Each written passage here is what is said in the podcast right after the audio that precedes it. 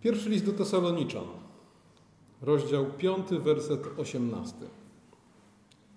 Za wszystko dziękujcie. Taka jest bowiem wola Boża w Chrystusie Jezusie względem Was.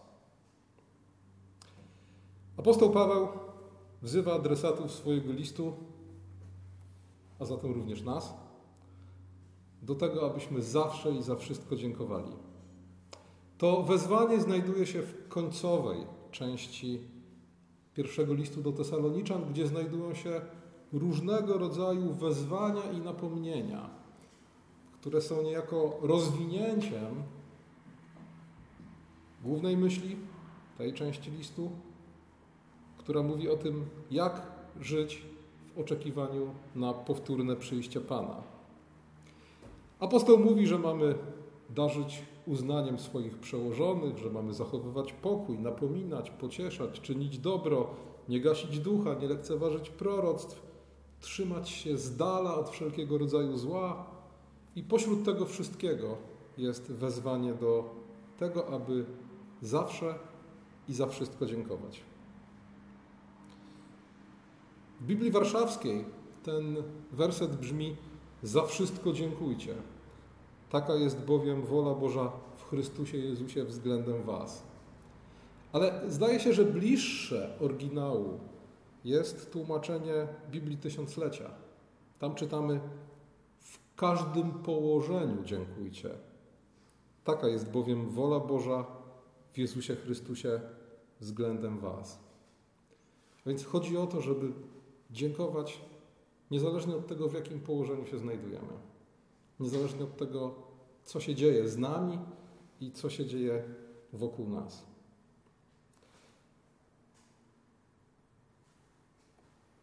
Spośród innych napomnień, które znajdujemy w tej ostatniej części pierwszego listu do Tesaloniczan, to wezwanie do wdzięczności. Ono zostało niejako wyróżnione przez apostoła tym dodatkiem. Taka bowiem jest wola Boża w Jezusie Chrystusie względem Was. A więc apostoł zaznacza, że sprawa jest poważna. Że on wzywa do tego, abyśmy w każdym położeniu dziękowali, bo taka jest wola Boża względem nas. Bo Bóg tego od nas oczekuje. Bo z jakichś powodów to jest istotne. Dlaczego? Dlaczego to jest ważne, żebyśmy w każdym położeniu, w jakim się znajdziemy, dziękowali?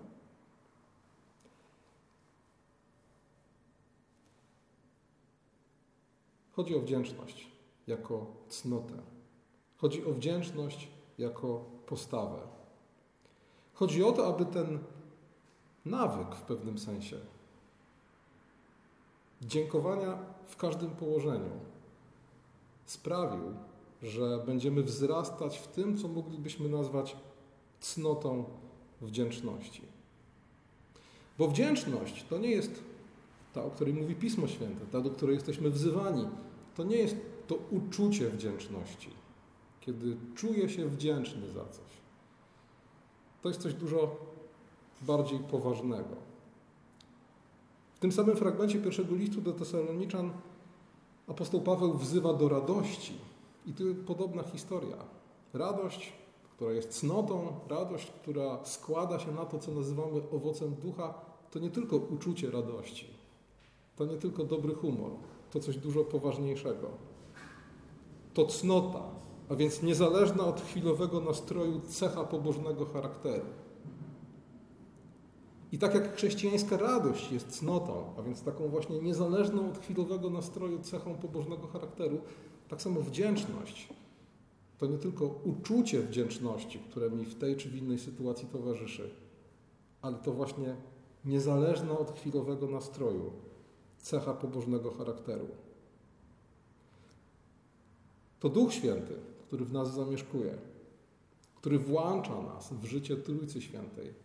On budząc w nas wiarę, nadzieję i miłość, sprawia, że wydajemy owoc, na który składa się radość i wdzięczność. Choć wdzięczność nie jest akurat wymieniona przez Pawła w piątym rozdziale listu do Galacjan, kiedy mówi o owocu ducha, to jednak Nie ma wątpliwości, że wdzięczność jest owocem ducha, że wdzięczność należy do tej samej kategorii cnót, co radość. Wdzięczność, do której jesteśmy wzywani, to w pierwszej kolejności wdzięczność wobec Boga, ale nie tylko. To wdzięczność wobec ludzi, którym coś zawdzięczamy. Wdzięczność bywa łatwa wtedy, kiedy ją po prostu odczuwamy i wtedy, kiedy zdaje się, że wszystko idzie dobrze. Wtedy łatwo jest nam dziękować Bogu.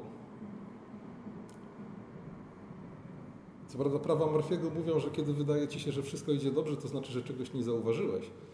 A więc ta łatwość w dziękczynieniu może się opierać po prostu na iluzji tego, że wszystko idzie dobrze. Ale jeśli mamy wrażenie, że wszystko idzie dobrze, łatwo jest być wdzięcznym.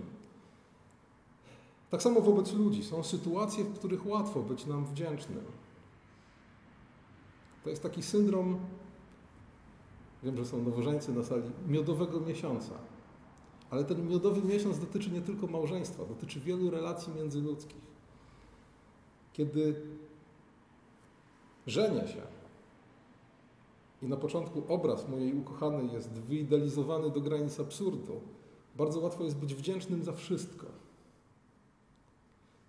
Ale słuchajcie, kiedy nawracam się, trafiam do kościoła, to jest moje pierwsze zetknięcie z chrześcijańską wspólnotą, mamy do czynienia z czymś bardzo podobnym. Z takim miodowym miesiącem, gdzie idealizuję obraz tej wspólnoty do granic absurdu i dzięki temu łatwiej jest mi być wdzięcznym za wszystko. Za każde dobre słowo, za każde kazanie, za każde nabożeństwo, za wszystko, co się dzieje. To jest jeszcze bardziej widoczne, kiedy zmieniam z jakichś powodów wspólnotę.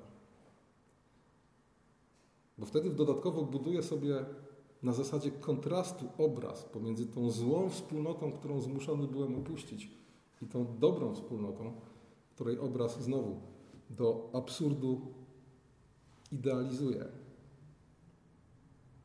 I słuchajcie, nie ma nic złego w takiej wdzięczności charakterystycznej dla miesiąca miodowego. To jest dobra rzecz.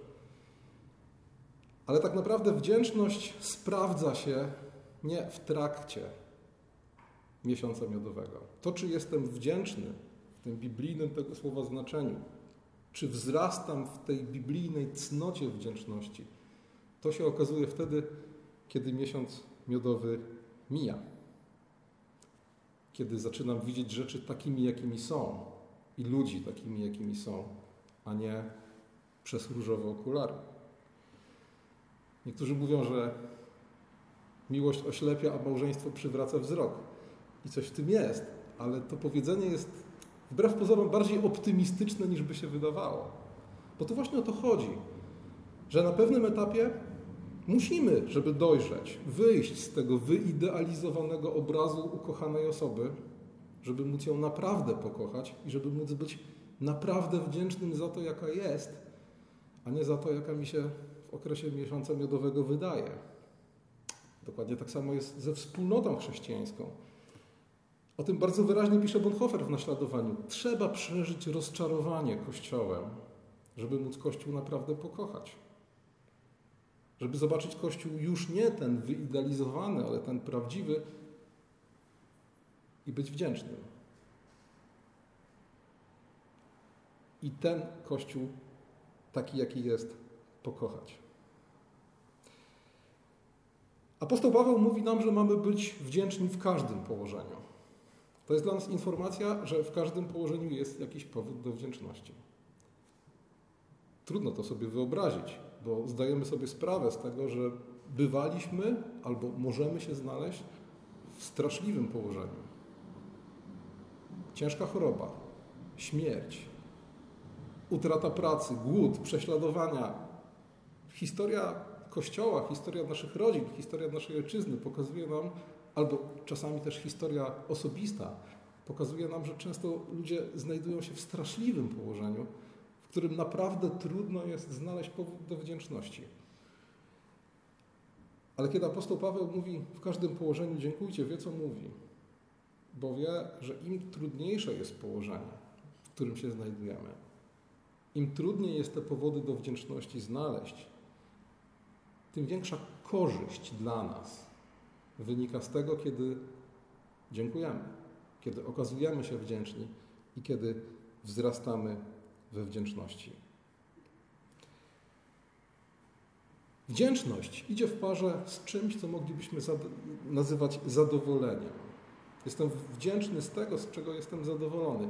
I tutaj mamy swego rodzaju sprzężenie zwrotne. Im bardziej jestem zadowolony, tym bardziej jestem wdzięczny. A z drugiej strony, im bardziej wzrastam wdzięczności, tym bardziej jestem zadowolony z tego, co mam, z tego, czym zostałem obdarowany, z tego położenia, w którym się znajdujemy. To zadowolenie, ono chroni nas przed wieloma niebezpieczeństwami. Apostoł Paweł wskazuje jako jedno z największych zagrożeń dla chrześcijanina chciwość. A czy chciwość nie jest drugą stroną tego samego medalu, co niezadowolenie?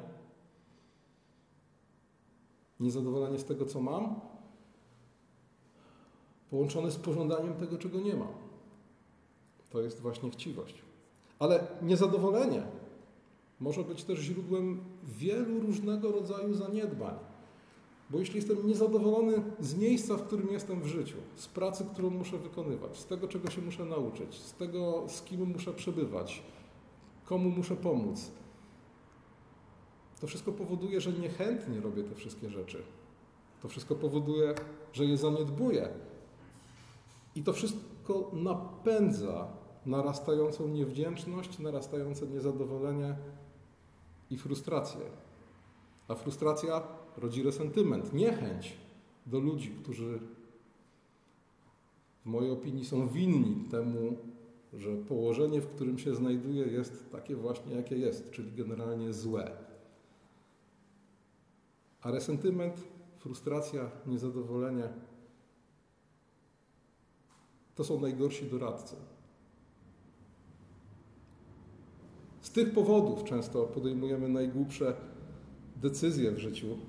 One sprawiają, że tracimy zdolność do oceny sytuacji. Zwróćcie uwagę na to, jak często źródłem problemów rodzinnych, małżeńskich jest właśnie taka narastająca niewdzięczność i niezadowolenie. Moja żona nie jest taka, jaka chciałbym, żeby była. I to krok po kroku prowadzi do narastającej niewdzięczności, niezadowolenia. Znowu, Kościół. Mój Kościół nie jest taki, jaki chciałbym, żeby był, więc na pewnym etapie zaczyna mnie w nim denerwować wszystko. Łącznie z niepozamiataną podłogą. Niestety niewdzięczność jest standardem upadłej natury człowieka. Człowiek upadły jest z natury niewdzięczny. Inaczej rzecz ujmując, wdzięczność nie jest owocem ciała. Wdzięczność nie jest czymś, z czym się rodzimy. Wdzięczność nie jest czymś, co z natury będzie wzrastało i dojrzewało w nas. Wdzięczność nie jest jak chwast, który wyrośnie gdziekolwiek, niezależnie od naszych zabiegów. Jest raczej jak szlachetna roślina, którą trzeba sprowadzić z zewnątrz, bo z natury jej nie posiadamy sami w sobie. Trzeba ją posadzić i wytrwale pielęgnować. Zwróćcie uwagę na to, jak głęboka jest niewdzięczność rodzaju ludzkiego i jak wiele rodzi problemów. Apostoł Paweł, kiedy tłumaczy nam w liście do Rzymian, jak to się stało, że człowiek, że cała ludzkość tak nisko upadła, zaczyna od tego, że poznawszy Boga, nie uwielbili Go jako Boga i nie złożyli Mu dziękczynienia. Za tym poszło bałwochwalstwo, za tym poszła wszelka niemoralność, za tym poszedł całkowity upadek ludzkości. W liście do Tymoteusza, w drugim liście do Tymoteusza, w trzecim rozdziale, w drugim wersecie, kiedy apostoł Paweł rysuje czarny obraz czasów ostatecznych, jak to będzie źle, to mówi: Ludzie będą samolubni, chciwi, chełpliwi, pyszni, bluźnierczy, rodzicom nieposłuszni, niewdzięczni. daleko nie szukać. Ewangelia, którą dzisiaj czytaliśmy. Spośród dziesięciu uzdrowionych, jeden wrócił, żeby podziękować. W dodatku cudzoziemiec. Słyszeliście na pewno o regule Pareto, która jest uważana za jedną z ogólnych teorii wszystkiego. Pareto twierdził, że wszystko na świecie istotne układa się w proporcjach 20 do 80. Więc 20% ludzi wykonuje 80% pracy, 20% klientów sprawia 80% problemów itd., tak itd. Tak Ale jak widać tutaj nawet ta reguła okazuje się zbyt optymistyczna. Na 10 tylko jeden wrócił, żeby złożyć dziękczynienie. Tam, gdzie brakuje wdzięczności, tam wszystko zaczyna się sypać. I to bardzo wyraźnie pokazuje historia ludzkości, gdzie zaczyna się od tego, że człowiek poznał Boga, ale nie złożył mu dziękczynienia, a potem jest już tylko gorzej. Ale to widzimy też w życiu wspólnot, małżeństw, w życiu ludzi. W kazaniu na dzisiejszą niedzielę, na 14 niedzielę po Trójcy Świętej, Luter, który jako podstawę tego kazania przyjął właśnie czytaną dzisiaj Ewangelię o dziesięciu trędowatych. Luter pisze tak. Nic się prędzej nie zestarzeje niż wdzięczność. To jest smutna prawda. Nic się prędzej nie zestarzeje niż wdzięczność. I dlatego Luter pisze tak. Młodych zakonników po klasztorach przyzwyczajono każdemu, kto choćby tylko pióro by zakroił, aby ukłonić się i powiedzieć – Niech będzie pochwalony Pan za wszystkie dary Jego. To był bardzo dobry sposób do przyzwyczajania młodych ludzi, aby wszystko, cokolwiek przyjmują, z dziękczynieniem ku Bogu i ku ludziom przyjmowali. Jak widzicie, Luther, który odchodząc z zakonu był dość mocno krytyczny wobec różnego rodzaju klasztornych praktyk, tę jedną pochwala. Wydawałoby się przesadne okazywanie wdzięczności za drobiazg, za drobną przysługę. Ale Luther mówi, niewdzięczność jest tak głęboko w nas zakorzeniona, że może lepiej odrobinę przesady we wdzięczności, bo to być może przyzwyczai nas, przypomni nas, jak to mówi, bardzo dobry sposób do przyzwyczajenia młodych ludzi, aby wszystko, cokolwiek przyjmują, z dziękczynieniem ku Bogu i ku ludziom przyjmowali. Moi drodzy, niewdzięczność jest olbrzymim zagrożeniem. Niewdzięczność w dosłowny sposób uśmierciła ludzkość, bo to wszystko się od tego zaczęło. Poznawszy Boga, nie uwielbili jako Boga, nie złożyli Mu dziękczynienia. Dalej, kiedy obserwujemy historię wyjścia z Egiptu, wędrówki przez pustynię i zdobywania, a, zajmowania ziemi obiecanej przez Izraelitów, to zobaczymy, że w trakcie całego tego procesu więcej Izraelitów zginęło z powodu niewdzięczności połączonej z brakiem wiary, niż w walce z wrogami.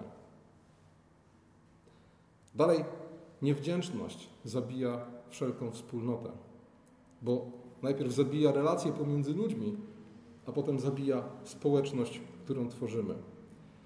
I tu słuchajcie, bardzo ciekawą rzecz na temat niewdzięczności znajdujemy w regule świętego Benedykta.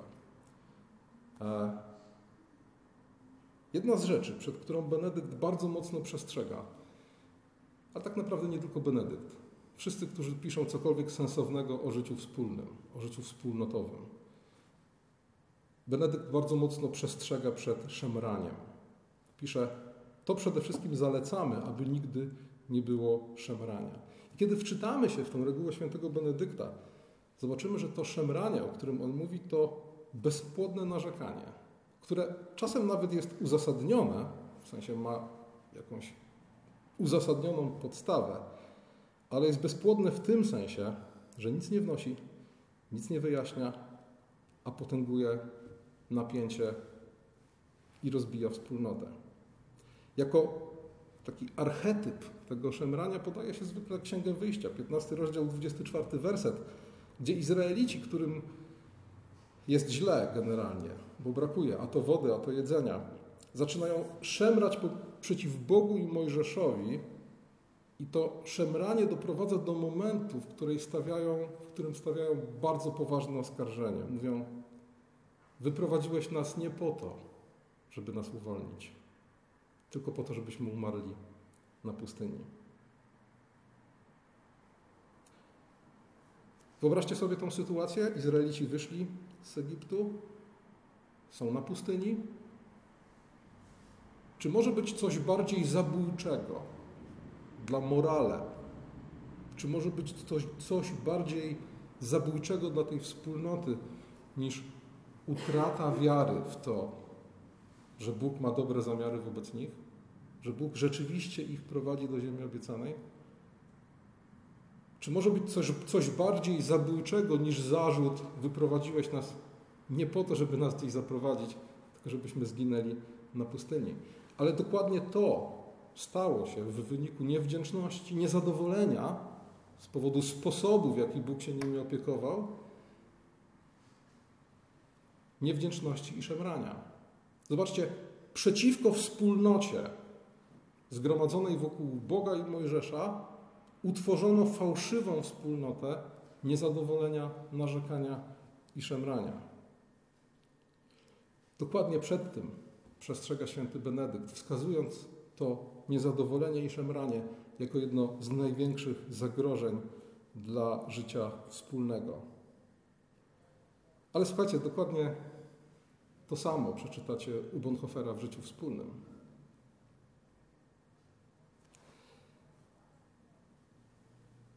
Tutaj Bonhoeffer, co ciekawe, zwraca uwagę na to, że osoby, które właśnie z powodu tej niewdzięczności, niezadowolenia burzą wspólnotę, to bardzo często są pastorzy. Pisze tak Bonhoeffer. Pastorzy albo ludzie mocno zaangażowani. Bonhoeffer pisze tak. A, momencik. Szczególny sposób odnosi się to często do często słyszanych narzekań pastorów i w cudzysłowie nawiedzonych członków gminy na temat swoich gmin, a więc na temat swoich wspólnot. Pastor nie powinien narzekać na swoją wspólnotę, szczególnie przed ludźmi, ale również przed Bogiem. Nie po to została mu powierzona jakaś wspólnota, aby stał się przed Bogiem i ludźmi jej oskarżycielem.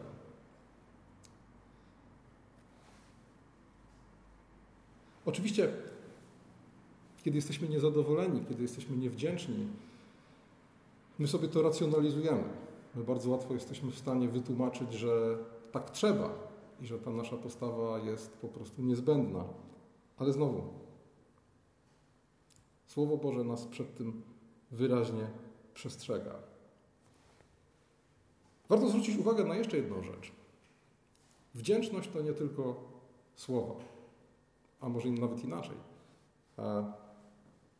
Słowo dziękuję to dopiero pierwszy krok ku wdzięczności. Wyobraźcie sobie sytuację, w której z jednej strony codziennie dziękuję mojej żonie za sposób, za to, że prowadzi dom i się nami opiekuje, ale jednocześnie każdego dnia przy każdej możliwej okazji krytykuję to, w jaki sposób sprząta, gotuje, zajmuje się dziećmi itd. Tak itd. Przekładając to na życie wspólne, znowu wielokrotnie wyrażana wdzięczność, czy to w modlitwie, czy to w rozmowach, e, sprawdza się jej autentyczność, sprawdza się później w sposobie, w jaki funkcjonujemy we wspólnocie, w tym życiu wspólnym.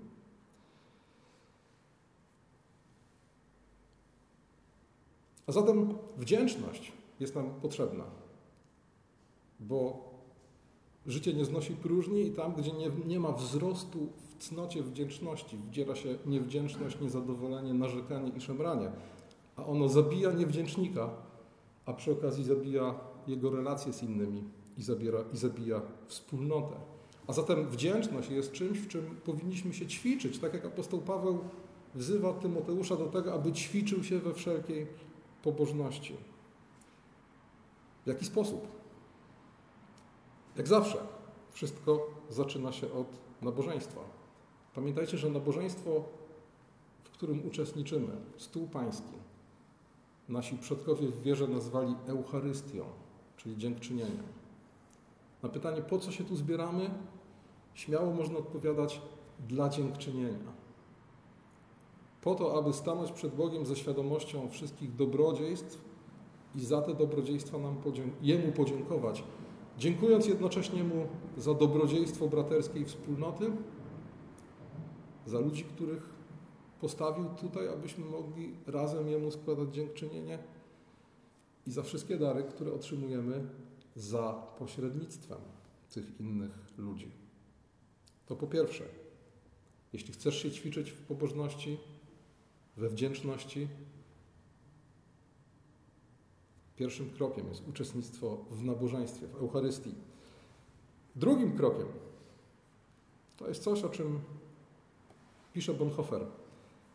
Jeśli chodzi o dziękowanie, to we wspólnocie chrześcijańskiej jest podobnie jak w życiu chrześcijańskim. Tylko ten, kto dziękuje za rzeczy małe, przyjmuje również rzeczy duże.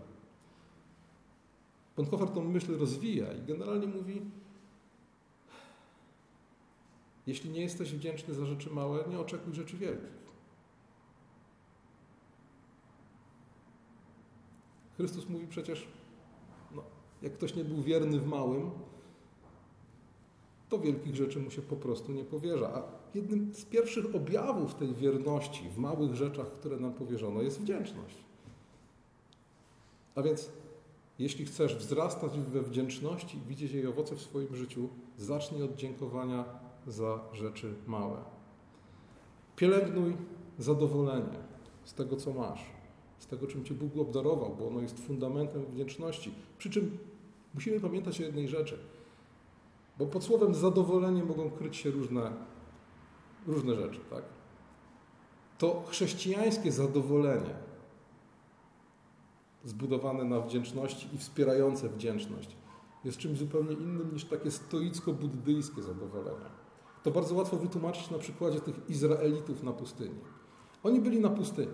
Byli w takim położeniu, powiedzmy, takim sobie. Ale jednak Bóg się o nich troszczył. Tak?